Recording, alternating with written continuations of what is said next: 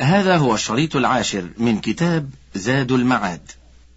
وقال الحاكم أخبرنا أبو أحمد بن محمد الصيرفي حدثنا أبو قلابة الرقاشي حدثنا أبو الوليد حدثنا شعبة عن أبي إسحاق عن عاصم بن ضمرة عن علي رضي الله عنه أن النبي صلى الله عليه وسلم كان يصلي الضحى.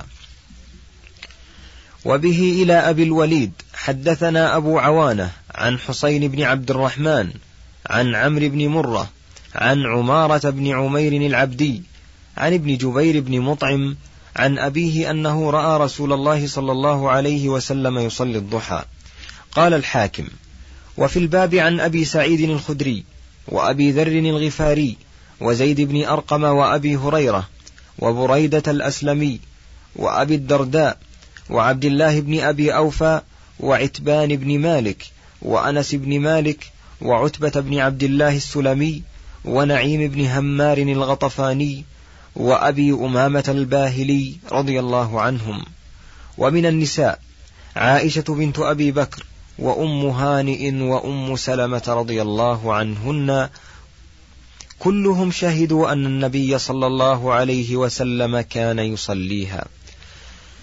وذكر الطبراني من حديث علي وأنس وعائشة وجابر أن النبي صلى الله عليه وسلم كان يصلي الضحى ست ركعات فاختلف الناس في هذه الأحاديث على طرق.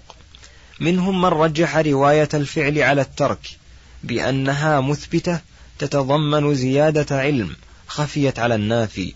قالوا وقد يجوز أن يذهب علم, علم مثل هذا على كثير من الناس ويوجد عند الأقل. قالوا وقد أخبرت عائشة وأنس وجابر وأم هانئ وعلي بن أبي طالب أنه صلاها. قالوا ويؤيد هذا الأحاديث الصحيحة المتضمنة للوصية بها والمحافظة عليها ومدح فاعلها والثناء عليه. ففي الصحيحين عن أبي هريرة رضي الله عنه قال أوصاني خليلي محمد صلى الله عليه وسلم بصيام ثلاثة أيام من كل شهر وركعتي الضحى وأن أوتر قبل أن أنام. وفي صحيح مسلم نحوه عن أبي الدرداء. وفي صحيح مسلم عن أبي ذر يرفعه قال يصبح على كل سلامة من أحدكم صدقة.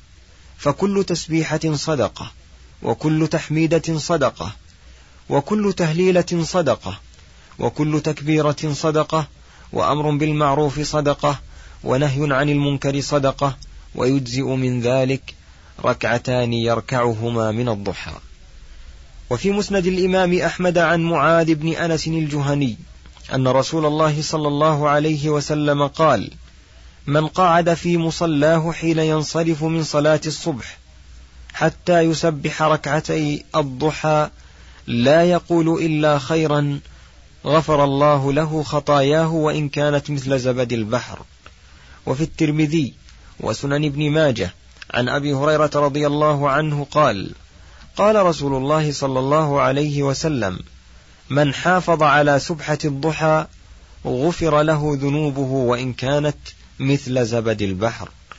وفي المسند والسنن عن نعيم بن همار قال سمعت رسول الله صلى الله عليه وسلم يقول قال الله عز وجل يا ابن آدم لا تعجزن عن أربع ركعات في أول النهار أكفك آخرة. ورواه الترمذي من حديث أبي الدرداء وأبي ذر. وفي جامع الترمذي وسنن ابن ماجه عن أنس مرفوعا من صلى الضحى ثنتي عشرة ركعة بنى الله له قصرا من ذهب في الجنة. وفي صحيح مسلم عن زيد بن أرقم أنه رأى قوما يصلون من الضحى في مسجد قباء فقال أما لقد علموا أن الصلاة في غير هذه الساعة أفضل. إن رسول الله صلى الله عليه وسلم قال صلاة الأوابين حين ترمض الفصال. وقوله ترمض الفصال أي يشتد حر النهار فتجد الفصال حرارة الرمضاء. وفي الصحيح أن النبي صلى الله عليه وسلم صلى الضحى في بيت عتبان بن مالك ركعتين. وفي مستدرك الحاكم من حديث خالد بن عبد الله الواسطي عن محمد بن عمرو عن أبي سلمة عن أبي هريرة أن رسول الله صلى الله عليه وسلم قال لا يحافظ على صلاة الضحى إلا أواب.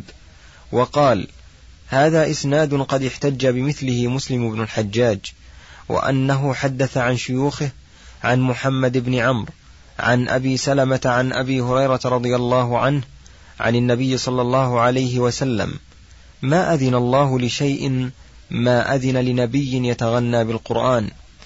قال ولعل قائلا يقول قد أرسله حماد بن سلمة وعبد العزيز بن محمد الدراوردي عن محمد بن عمرو فيقال له خالد بن عبد الله ثقة والزيادة من الثقة مقبولة. ثم روى الحاكم حدثنا عبدان بن يزيد حدثنا محمد بن المغيرة السكري حدثنا القاسم بن الحكم العرني حدثنا سليمان بن داود اليامي حدثنا يحيى بن أبي كثير عن أبي سلمة عن أبي هريرة قال قال رسول الله صلى الله عليه وسلم إن للجنة بابا يقال له باب الضحى فإذا كان يوم القيامة نادى مناد أين الذين كانوا يداومون على صلاة الضحى؟ هذا بابكم فادخلوه برحمة الله.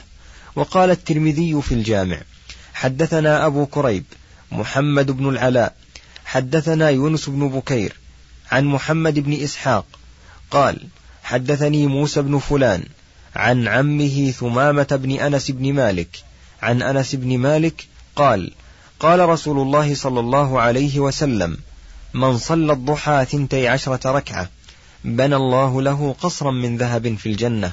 قال الترمذي حديث غريب لا نعرفه إلا من هذا الوجه. وكان أحمد يرى أصح شيء في هذا الباب حديث أم هانئ. قلت وموسى بن فلان هذا هو موسى بن عبد الله ابن المثنى بن أنس بن مالك. وفي جامعه أيضا من حديث عطية العوفي عن أبي سعيد الخدري قال كان رسول الله صلى الله عليه وسلم يصلي الضحى حتى نقول لا يدعها ويدعها حتى نقول لا يصليها. قال هذا حديث حسن غريب. وقال الإمام أحمد في مسنده حدثنا أبو اليمان حدثنا إسماعيل بن عياش عن يحيى بن الحارث الذماري عن القاسم عن أبي أمامة عن النبي صلى الله عليه وسلم قال من مشى إلى صلاة مكتوبة وهو متطهر كان له كأجر الحاج المحرم ومن مشى إلى سبحة الضحى كان له كأجر المعتمر وصلاة على إثر صلاة لا لغو بينهما كتاب في عليين. قال أبو أمامة الغدو والرواح إلى هذه المساجد من الجهاد في سبيل الله عز وجل. وقال الحاكم حدثنا أبو العباس حدثنا محمد بن إسحاق الصغاني حدثنا أبو المورع محاضر بن المورع حدثنا الأحوص بن حكيم حدثني عبد, عبد الله بن عامر الألهاني عن منيب بن عيينة ابن عبد الله السلمي عن أبي أمامة عن رسول الله صلى الله عليه وسلم أنه كان يقول من صلى الصبح في مسجد جماعة ثم ثبت فيه حتى الضحى ثم يصلي سبحة الضحى كان له كأجر حاج أو معتمر تام له حجته وعمرته. وقال ابن أبي شيبة حدثني حاتم بن إسماعيل عن حميد بن صخر عن المقبوري عن الأعرج عن أبي هريرة رضي الله عنه قال بعث النبي صلى الله عليه وسلم جيشا فأعظم الغنيمة وأسرع الكرة. فقال رجل يا رسول الله ما رأينا بعثا قط أسرع كرة ولا أعظم غنيمة من هذا البعث؟ فقال ألا أخبركم بأسرع كرة وأعظم غنيمة؟ رجل توضأ في بيته فأحسن وضوءه ثم عمد إلى المسجد فصلى فيه صلاة الغداة ثم أعقب بصلاة الضحى فقد أسرع الكرة وأعظم الغنيمة. وفي الباب أحاديث سوى هذه لكن هذه أمثلها قال الحاكم صحبت جماعة من أئمة الحديث الحفاظ الأثبات فوجدتهم يختارون هذا العدد. يعني أربع ركعات ويصلون هذه الصلاة أربعة لتواتر الأخبار الصحيحة فيه وإليه أذهب وإليه أدعو اتباعا للأخبار المأثورة واقتداء بمشايخ الحديث فيه. قال ابن جرير الطبري وقد ذكر الأخبار المرفوعة في صلاة الضحى واختلاف عددها وليس في هذه الأحاديث حديث يدفع صاحبه وذلك أن من حكى أنه صلى الضحى أربعا جائز أن يكون رآه في حال فعله ذلك ورآه غيره في حال أخرى صلى ركعتين ورآه آخر في حال أخرى صلاها ثمانية وسمعه آخر يحث على أن يصلي ستة وآخر يحث على أن يصلي ركعتين وآخر على عشر وآخر على ثنتي عشرة. فأخبر كل واحد منهم عما رأى وسمع. قال والدليل على صحة قولنا. ما روي عن زيد بن أسلم قال سمعت عبد الله بن عمر يقول لأبي ذر أوصني يا عم. قال سألت رسول الله صلى الله عليه وسلم كما سألتني فقال من صلى الضحى ركعتين لم يكتب من الغافلين ومن صلى أربعا كتب من العابدين. ومن صلى ستا لم يلحقه ذلك اليوم ذنب ومن صلى ثمانيا كتب من القانتين ومن صلى عشرا بنى الله له بيتا في الجنة. وقال مجاهد صلى رسول الله صلى الله عليه وسلم يوما الضحى ركعتين ثم يوما أربعة ثم يوما ستة ثم يوما ثمانية ثم ترك. فأبان هذا الخبر عن صحة ما قلنا من احتمال خبر كل مخبر ممن تقدم أن يكون إخباره لما أخبر عنه في صلاة الضحى على قدر ما شاهده وعاينه. والصواب إذا كان الأمر كذلك أن يصليها من أراد على ما شاء من العدد. وقد روي هذا عن قوم من السلف. حدثنا ابن حميد حدثنا جرير عن إبراهيم سأل رجل الأسود كم أصلي الضحى؟ قال كم شئت. وطائفة ثانية. ذهبت إلى أحاديث الترك ورجحتها من جهة صحة إسنادها وعمل الصحابة بموجبها. فروى البخاري عن ابن عمر أنه لم يكن يصليها ولا أبو بكر ولا عمر. قلت فالنبي صلى الله عليه وسلم قال لا إخاله. وقال وكيع حدثنا سفيان الثوري عن عاصم بن كليب عن أبيه عن أبي هريرة قال ما رأيت رسول الله صلى الله عليه وسلم صلى صلاة الضحى إلا يوما واحدا وقال علي بن المديني حدثنا معاذ بن معاذ حدثنا شعبة حدثنا فضيل بن فضالة عن عبد الرحمن بن أبي بكرة قال رأى أبو بكرة ناسا يصلون الضحى قال إنكم لتصلون صلاة ما صلاها رسول الله صلى الله عليه وسلم ولا عامة أصحابه. وفي الموطأ عن مالك عن ابن شهاب عن عروة عن عائشة قالت ما سبح رسول الله صلى الله عليه وسلم سبحة الضحى قط وإني لأسبحها وإن كان رسول الله صلى الله عليه وسلم لا يدع العمل وهو يحب أن يعمل به خشية أن يعمل به الناس فيفرض عليهم.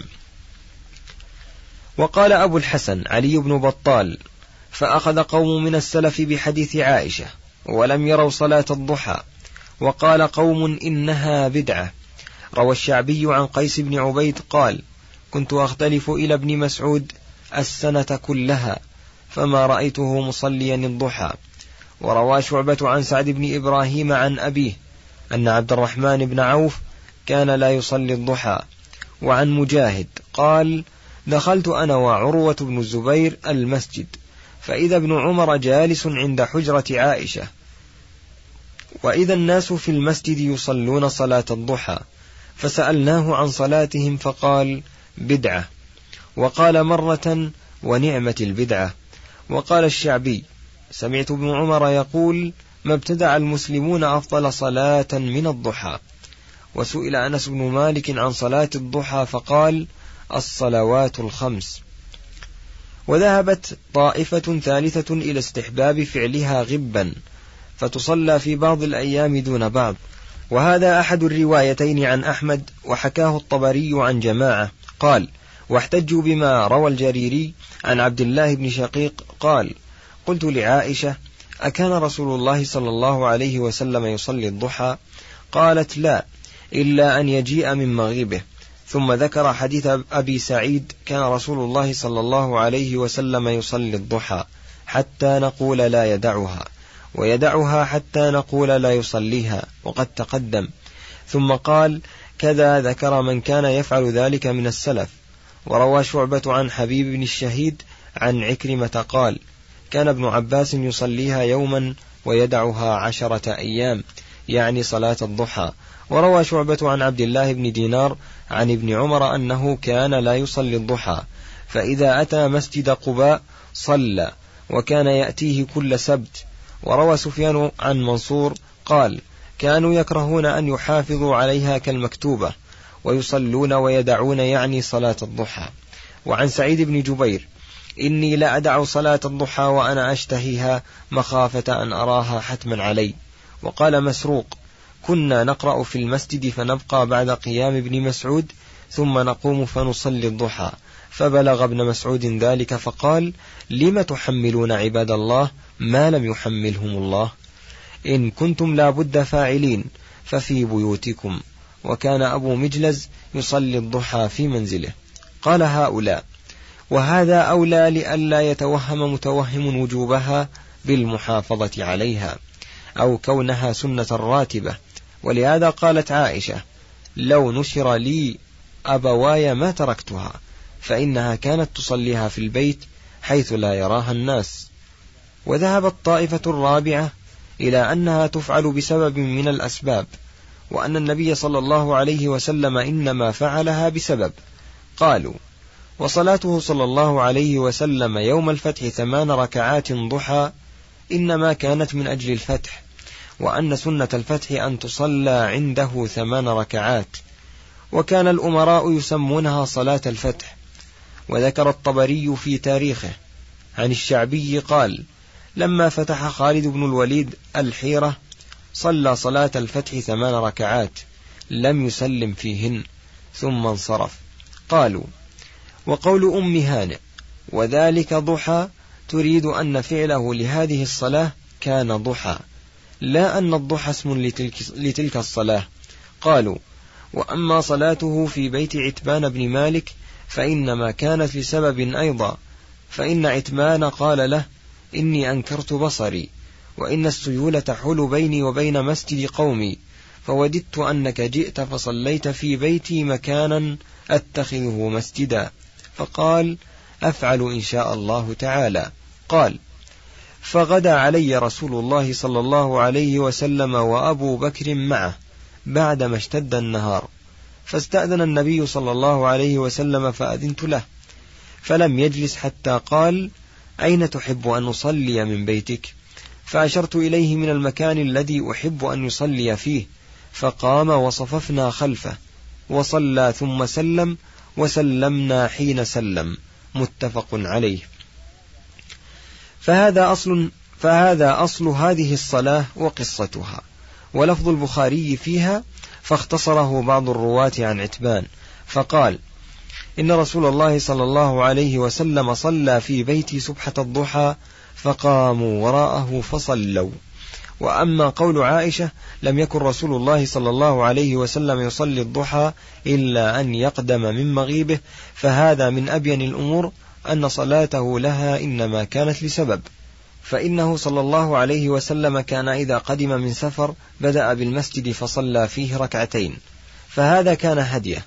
وعائشة أخبرت بهذا وهذا وهي القائلة ما صلى رسول الله صلى الله عليه وسلم صلاة الضحى قط.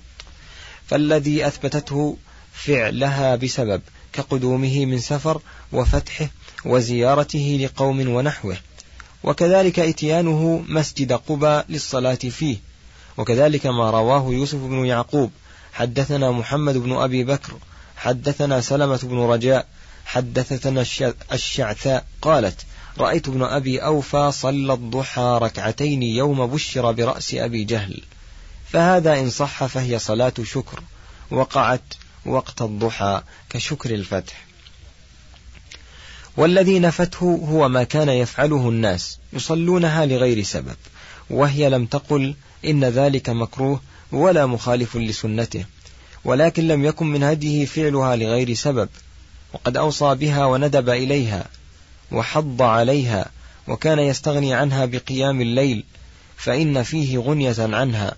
وهي كالبدل منه قال تعالى وهو الذي جعل لك وهو الذي جعل الليل والنهار خلفة لمن أراد أن يذكر أو أراد شكورا. قال ابن عباس والحسن وقتاده عوضا وخلفا يقوم أحدهما مقام صاحبه فإن فاته عمل في أحدهما قضاه في الآخر. قال قتاده فأدوا لله من أعمالكم خيرا في هذا الليل والنهار. فإنهما مطيتان يقحمان الناس إلى آجالهم ويقربان كل بعيد ويبليان كل جديد ويجيئان بكل موعود إلى يوم القيامة. وقال شقيق جاء رجل إلى عمر بن الخطاب رضي الله عنه فقال فاتتني الصلاة الليلة. فقال أدرك ما فاتك من ليلتك في نهارك. فإن الله عز وجل جعل الليل والنهار خلفة لمن أراد أن يذكر أو أراد شكورا. قالوا وفعل الصحابة رضي الله عنهم يدل على هذا. فإن ابن عباس كان يصليها يوما ويدعها عشرة وكان ابن عمر لا يصليها فإذا أتى مسجد قبى صلاها وكان يأتيه كل سبت. وقال سفيان عن منصور كانوا يكرهون أن يحافظوا عليها كالمكتوبة. ويصلون ويدعون. قالوا ومن هذا الحديث الصحيح عن أنس أن رجلا من الأنصار كان ضخما فقال للنبي صلى الله عليه وسلم إني لا أستطيع أن أصلي معك. فصنع للنبي صلى الله عليه وسلم طعاما ودعاه إلى بيته ونضح له طرف حصير بماء فصلى عليه ركعتين. قال أنس ما رأيته صلى الضحى غير ذلك اليوم. رواه البخاري. ومن تأمل الأحاديث المرفوعة وآثار الصحابة وجدها لا تدل إلا على هذا القول. وأما أحاديث الترغيب فيها والوصية والوصية بها فالصحيح منها كحديث أبي هريرة وأبي ذر لا يدل على أنها سنة راتبة لكل أحد. وإنما أوصى أبا هريرة بذلك لأنه قد روي أن أبا هريرة كان يختار درس الحديث بالليل على الصلاة فأمره بالضحى بدلا من قيام الليل ولهذا أمره ألا ينام حتى يوتر ولم يأمر بذلك أبا بكر وعمر وسائر الصحابة. وعامة أحاديث الباب في أسانيدها مقال وبعضها منقطع وبعضها موضوع لا يحل الاحتجاج به كحديث يروى عن أنس مرفوعا من داوم على صلاة الضحى ولم يقطعها إلا عن علة كنت أنا وهو في زورق من نور في بحر من نور. وضعه زكريا بن دويد الكندي عن حميد. وأما حديث يعلى بن أشدق عن عبد الله بن جراد عن النبي صلى الله عليه وسلم من صلى منكم صلاة الضحى فليصلها متعبدا فإن الرجل ليصليها السنة من الدهر ثم ينساها ويدعها فتحن إليه كما تحن الناقة إلى ولدها إذا فقدته. فيا عجبا للحاكم كيف يحتج بهذا وأمثاله؟ فإنه يروي هذا الحديث في كتاب أفرده للضحى. وهذه نسخة موضوعة على رسول الله صلى الله عليه وسلم يعني نسخة يعلى بن الأشدق. وقال ابن عدي روى يعلى بن الأشدق عن عمه عبد الله بن جراد عن النبي صلى الله عليه وسلم أحاديث كثيرة منكرة وهو وعمه غير معروفين. وبلغني عن أبي مسهر قال قلت ليعلى بن الأشدق ما سمع عمك من حديث رسول الله صلى الله عليه وسلم؟ فقال جامع سفيان وموطأ مالك وشيئا من الفوائد وقال أبو حاتم بن حبان لقي يعلى عبد الله بن جراد فلما كبر اجتمع عليه من لا دين له فوضعوا له شبها بمئتي حديث فجعل يحدث بها وهو لا يدري. وهو الذي قال له بعض مشايخ أصحابنا أي شيء سمعته من عبد الله بن جراد؟ فقال هذه النسخة. وجامع سفيان لا تحل الرواية عنه بحال. وكذلك حديث عمر ابن صبح عن مقاتل بن حيان حديث عائشة المتقدم كان رسول الله صلى الله عليه وسلم يصلي الضحى ثنتي عشرة ركعة وهو حديث طويل ذكره الحاكم في صلاة الضحى وهو حديث موضوع المتهم به عمر بن صبح. قال البخاري حدثني يحيى عن علي بن جرير قال سمعت عمر بن صبح يقول أنا وضعت خطبة النبي صلى الله عليه وسلم وقال ابن عدي منكر الحديث. وقال ابن حبان يضع الحديث على الثقات لا يحل كتب حديثه إلا على جهة التعجب منه. وقال الدار قطني متروك. وقال الأزدي كذاب. وكذلك حديث عبد العزيز بن أبان عن الثوري عن حجاج بن فرافصة عن مكحول عن أبي هريرة مرفوعا من حافظ على سبحة الضحى غفرت ذنوبه وإن كانت بعداد الجراد وأكثر من زبد البحر. ذكره الحاكم أيضا. وعبد العزيز هذا قال ابن نمير هو كذاب. وقال يحيى ليس بشيء. كذاب خبيث يضع الحديث. وقال البخاري والنسائي والدار قطني متروك الحديث.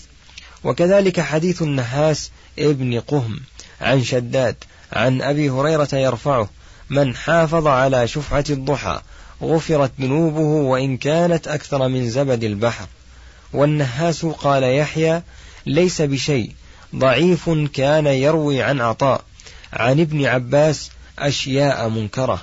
وقال النسائي ضعيف. وقال ابن عدي لا يساوي شيئا. وقال ابن حبان كان يروي المناكير عن المشاهير. ويخالف الثقات. لا يجوز الاحتجاج به. وقال الدار قطني مضطرب الحديث. تركه يحيى القطان. وأما حديث حميد بن صخر عن المقبوري عن أبي هريرة بعث رسول الله صلى الله عليه وسلم بعثا الحديث وقد تقدم فحميد هذا ضعفه النسائي ويحيى بن معين ووثقه آخرون وأنكر عليه بعض حديثه وهو ممن لا يحتج به إذا انفرد والله أعلم. وأما حديث محمد بن إسحاق عن موسى عن عبد الله بن المثنى عن أنس عن عمه ثمامة. عن أنس يرفعه من صلى الضحى بنى الله له قصرا في الجنة من ذهب. فمن الأحاديث الغرائب وقال الترمذي غريب لا نعرفه إلا من هذا الوجه. وأما حديث نعيم ابن همار ابن آدم لا تعجز لي عن أربع ركعات في أول النهار أكفك آخرة. وكذلك حديث أبي الدرداء وأبي ذر. فسمعت شيخ الإسلام ابن تيمية يقول هذه الأربع عندي هي الفجر وسنتها. فصل وكان من هديه صلى الله عليه وسلم وهدي أصحابه سجود الشكر عند تجدد نعمة تسر أو اندفاع نقمة. كما في المسند عن أبي بكرة أن النبي صلى الله عليه وسلم كان إذا أتاه أمر يسره خر لله ساجدا شكرا لله تعالى. وذكر ابن ماجه عن أنس أن النبي صلى الله عليه وسلم بشر بحاجة فخر لله ساجدا.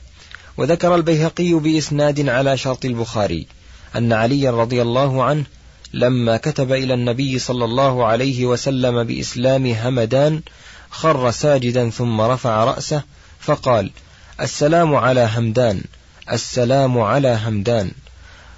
وصدر الحديث في صحيح البخاري وهذا تمامه بإسناده عند البيهقي.